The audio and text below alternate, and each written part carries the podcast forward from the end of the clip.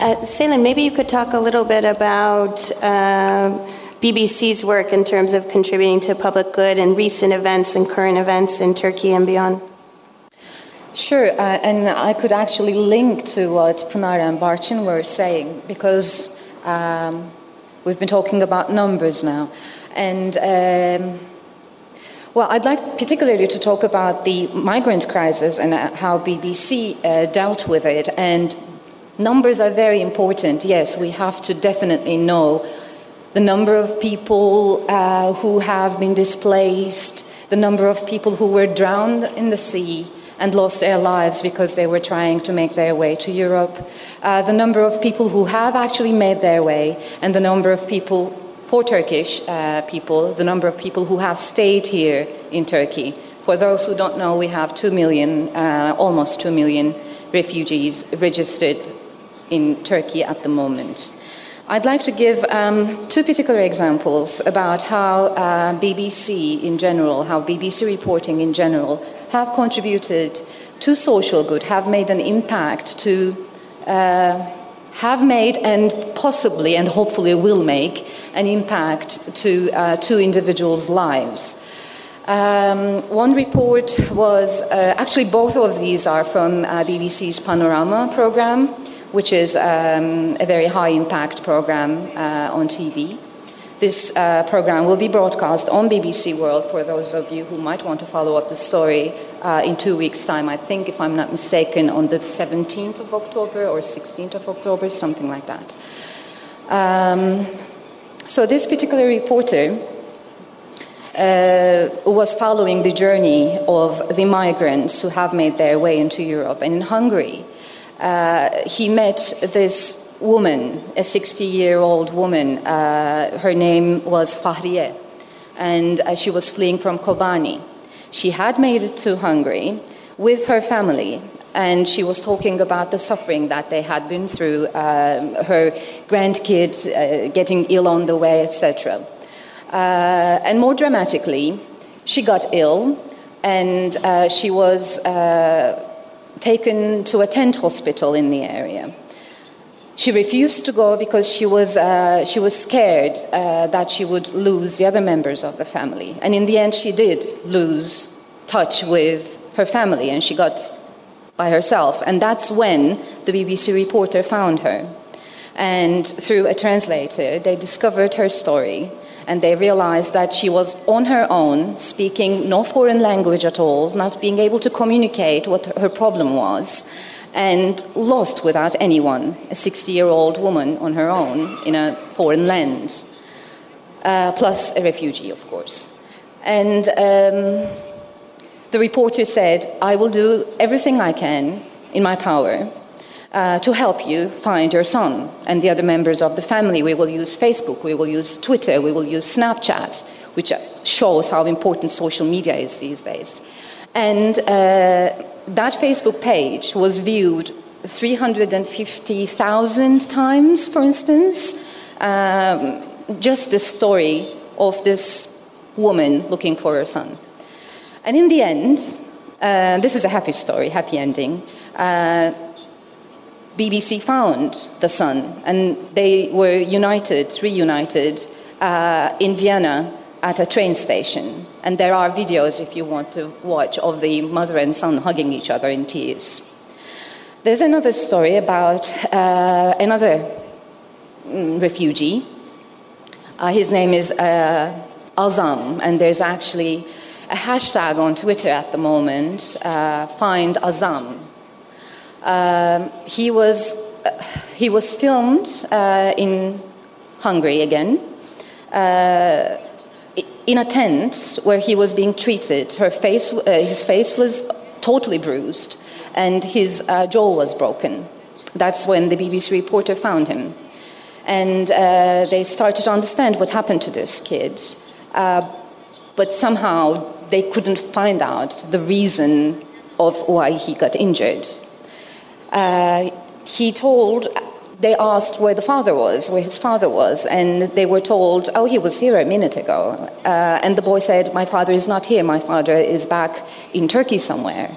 Uh, he's not here with me. And then some person came, an uncle, the boy said, but presenting himself as the father. Uh, so there was, not so, there was something that didn't add up. Uh, the reporters got a bit suspicious. The father took him to the hospital, he said.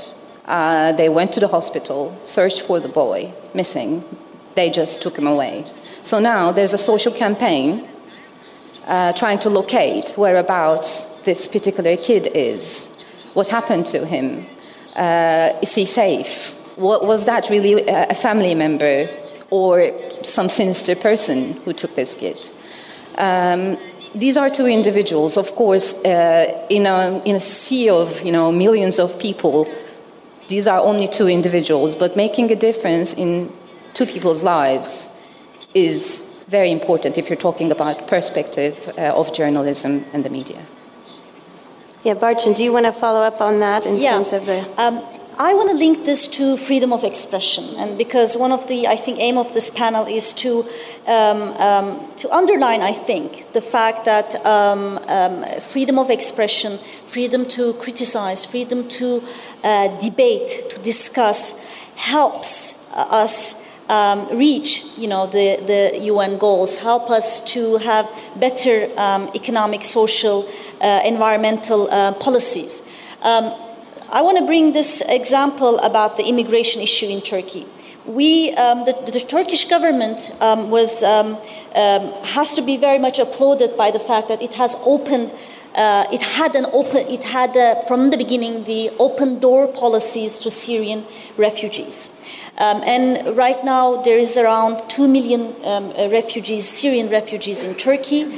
You know, you can, um, you know, um, uh, you can see them everywhere they are there. But interestingly, in Turkey, um, this is not debated.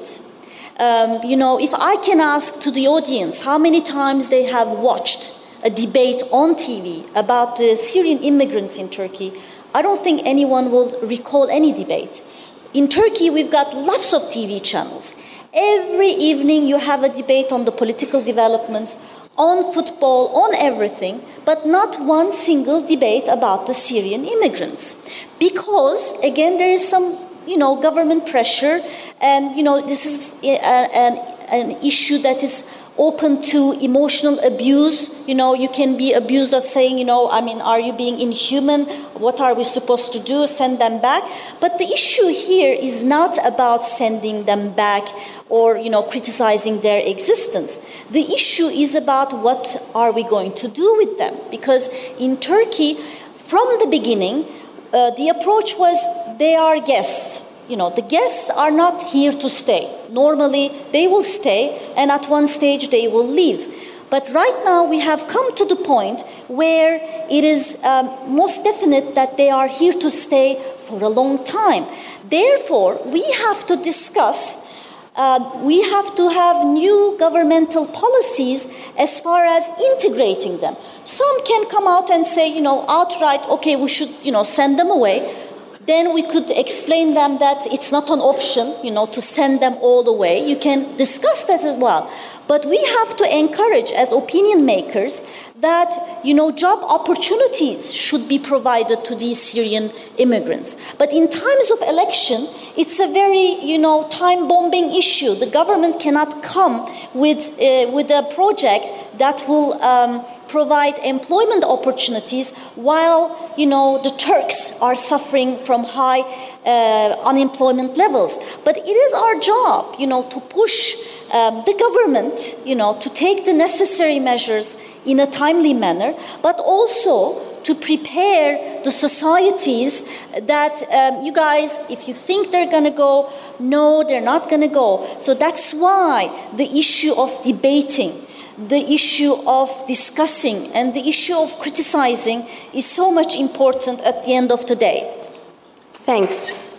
Selin, did you have something you wanted to add? I think you get a lot of support there. Yes, absolutely, and thank you very much, Barchin, for bring that, bringing that up. Because I mean, as some of some members of our audience, as uh, they have been clapping, they obviously agree with uh, what Barchin has put up there. Uh, this is a huge, huge problem. I mean, uh, Well, Europe is day and night, 24 7, discussing what to do with the migrants now, isn't it? And it is on international media all the time. Everyone is, I mean, refugee, uh, refugee, hashtag refugee welcome is one of the most viral hashtags at the moment. This is happening because the refugees have started to make their way into Europe. And obviously, this is a new sociological uh, thing that's happening there. This is news that's happening there. So everyone's talking about it. But Turkey has been living with Syrian refugees for four years now. We're talking about two million people. How, how do they survive? How do they get their education? What do they do? We just don't know. I have, uh, I have um, been writing this week a series of articles about Syrian refugees, about uh, the education problems, about the health problems, about uh, the employment problems. Uh, and I myself was amazed about the lack of research, lack of journalism that has been put out there about these people. And I was speaking to my editor, for instance. She needed to double check some of the things with me. She was like, This is unbelievable. How can they not get any, any aid at all from the state? How, how is this possible? And I was like, Yeah, I mean, that is a situation. How many of us here know that? none of the Syrian refugees who have come here with foreign ID, not with passports, but who made their way out because of the war. They don't have legally a right to work. That's why we see beggars on the street. But they're not all beggars. They're trying to find work. They are trying to do the best to find work. But one, uh, big companies don't want to uh, employ illegal workers. Two, they get exploited, they work for six months, get one month salary, maybe not even that. And how, how, do they survive? That's why people are dying. We have to be able to talk about these issues. I will bring one more thing uh, up related to this issue. For instance, I'm sure many of you remember the name of Aylan Kurdi. If you don't remember his name, I'm sure you remember the picture of a little boy washed up on the street, uh, washed up on the beach uh, of Bodrum uh, on the uh, west coast of Turkey. A little boy wearing a red T-shirt. Independent, initially, if I'm not mistaken, in the UK, published that particular picture, the very the most dramatic one. And they said, uh, if these powerful images of a dead Syrian child washed up on a beach don't change Europe's attitude to refugees, what will? That was a very good justification for publishing a dead boy's picture, and it worked. Europe changed its policies. For instance, in the UK, uh, Prime Minister David Cameron uh, was like he said he would not allow uh, the refugees, the people, refugees, migrants to break into the UK, to break into the country. But soon after, this picture was published and it was shared. And people started talking about it. People empathized with the drama of this particular kid and his family. Uh, there was a public pressure on the government. And the UK uh, said, changed its policy and said in, within five years they would allow 20,000 migrants in. That is, of course, a very little number, but a change is a change, and media can make th- things change. Yeah, uh, Barchin, briefly, and then we'll go to our Okay, very video. briefly. Um, uh, some of the French TV channels, they decided not to publish this picture, and I thought it was a big mistake because I think it serves to turn the blind eye to the problem. But in Turkish, we have a saying that I think fits a lot with the UN goals. Komşun açken tok yatamazsın. You cannot go to sleep a full stomach when your neighbor is hungry. So, our job as the press is to tell people um, that they cannot have comfortable lives when their neighbors are in despair, and that as far as geography is concerned, there is no such thing as close neighbor, far long neighbor. You know, Syria is a neighbor to Britain, Nepal is a, a neighbor to France, Vietnam is a neighbor to Germany, and I think we have to underline this issue uh, quite a lot. Yeah, thanks. And in, and in fact, it's really important to understand that the goals themselves are about governments committing to some of these issues. In the Goal 16, what we call the governance and peace building goal, governments are required to ensure public access to information and to the protection of fundamental freedoms, including media freedom and other freedoms. That is part of the goals themselves. The goals uh, require governments and civil society and media to work together towards improving responsive, accountable institutions and towards people's engagement in decision making. So it's important to understand that the goals are both an end in themselves, but also a tool for media and towards more responsive governance. I think we'll take a moment to break and uh, play the video on Syrian uh, boat people um, as our tech people will indicate. Could we play the Syrian boat people break video, please? And then we'll have some final remarks to the panel. So let's take a moment to wrap up the panel. I really, my last question will really focus in on this uh, global goals question. So, how can media play a role in not only uncovering the issues and the goals and what uh, governments and societies need to do to reach the goals, but also a role in helping to the and communicate what the goals are to society and to help with their monitoring and their implementation. So I'd just like the panels to reflect a little bit. Do you see a role for media in terms of communicating over the next 15 years what these goals are, how governments are doing on them, whether we are reaching them, holding the global society to account, and in particular the United Nations, to whether we are making progress on these goals? What would that role be and what do you see in the future the connections are? Barchin? Um, well, perhaps um, at this stage I might do a, a bit of um, self criticism, you know.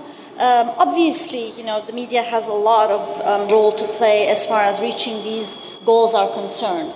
But to what degree we are aware of these goals, you know, to what degree we prioritize them, you know? Especially when you live in a country like mine, Turkey, when there is continuous economic and political turmoil, you know, talking about, um, you know, certain uh, issues, um, you know, water shortage in Africa um, or, or, educational problems uh, somewhere else, um, uh, sometimes it sounds um, like a luxury you know, because um, as I said, um, we are having our own problems. We have a lot of constraints ourselves, economic constraints, political constraints. Therefore, we just um, um try to keep up to the uh, agenda. And as I said, in a country like Turkey, where every day we are dealing with um, um, extraordinary sort of developments, um, sometimes we do um, uh, neglect um, to talk about these goals. So, therefore, um, perhaps we need to um, take a break from time to time and to reflect on it. You know, I was um, before the panel. Um, I watched, I listened to the previous panel, and I was thanking uh, the UNDP officials for um, having invited me to speak um, at this panel. Otherwise, I wouldn't have come to this conference. Otherwise, I was again busy dealing with uh, the non-ending political discussions in Turkey. But even coming here has been an eye opener to me. So a, a, grain of criticism for us is that, you know, sometimes we have to, you know, think about this, reflect, and sort of give more space in our TV, television channels, despite the fact that it might not, you know, break the records in the ratings, despite the fact that it might perhaps not get the ticks, uh, uh, the clicks in the internet. We have to say, no, this is a social responsibility. We have to do it. Thanks, Pinar. Okay, um, on top of this, is I'm a little bit confused because um, I am supporting strongly slow journalism because data journalism is actually very slow journalism. So you only produce sometimes eight, uh, you, you're spending eight months to produce one project. So about the goals for the future of journalism and for media, for Turkey, I can really share lots of things, but for generally, what I see, what I'm doing from my point of view, uh, data-driven future is waiting us. And the government's database is could be more open for, for the future of media, for us, for everybody. So, what NGOs, civil society, or, or journalists, academicians, they should really, really work hard to change this uh, environment more than before because we have in digital age now and every second is data is flowing and this is very important. And i would like to little bit focus in like two minutes what we do and this is maybe can be the little bit feature uh, of media in turkey or in, in, in a global issue um, we are under the very um, really heavy agenda all the time but what is my angle all the time despite all this heavy pressure so I still working, I want to really still work harder to make things happen. So since 2012 and maybe 13 as well, I'm doing data journalism workshops. And it's really every month we do maybe two, three different data journalism projects. And what, what is happening after the projects? We are receiving lots of uh, feedbacks from the attenders. They say, we now understand why media need to use the data more than before. Why we are more engaged with the data because databases, open data, and social data, it's, we are all engaged. So I see in the future of Turkey, from my point, if we work hard and the good things still can happen in, in the future of media for Turkey and also openness. So this is what I am believing a little bit. Thanks. Selin, thoughts on the future of uh, the media in terms of helping to monitor the implementation of the goals, both in Turkey and across the world? Uh, within Turkey, um, I agree with my colleagues here, um, particularly what Barcin has said as a self criticism of the media. Yes, uh, especially Turkish media just can't uh, find the time, afford the time, or is not just bothered to uh, talk about social responsibility issues because uh, there is a lot of uh, turmoil going on uh, around its borders and there's a, an, an, election coming up, political crisis, everything, something else is happening. Sometimes people joke, in a day, uh, we live what a Norwegian would live in a 10 year, we say. So but I'll take it to a global uh, side now. Uh, working at the BBC for 10 years, I think BBC, being a public broadcast uh, journalism organization, is doing uh, the most it can to touch these matters. Whenever UN comes up with uh, a particular number, Syrian refugees uh, have reached 1 million. That was a threshold, for instance, and we did a day of lives, we did a day of coverage, talking to refugees, talking to experts, etc. Of course, it can do more. There's always room for improvement. Uh, but international organizations, news, uh, news organizations are doing much better than if we compare it to what the Turkish media is doing. Well, thanks so much. I think it's important just here to note that the global goals are not just global goods that exist out for others, but they are intended to be owned by all of the societies of all of the states of, of the world. And they're signed off by every government, the Turkish government and all of the governments that are members of the United Nations. So the issues that and the targets reflected in the global goals are intended for Turkey and for all countries of the world. And that is what's so new about these goals that these goals don't just apply to the poorest countries on the planet. These are now truly global goals. All countries, no matter what their level of development, no matter what their GDP, have signed up to make these goals a reality over the next 15 years. So I want to thank my panelists so much for having a really engaging and interesting discussion. I hope you all enjoyed it and learned as much as I did. Thank you so much.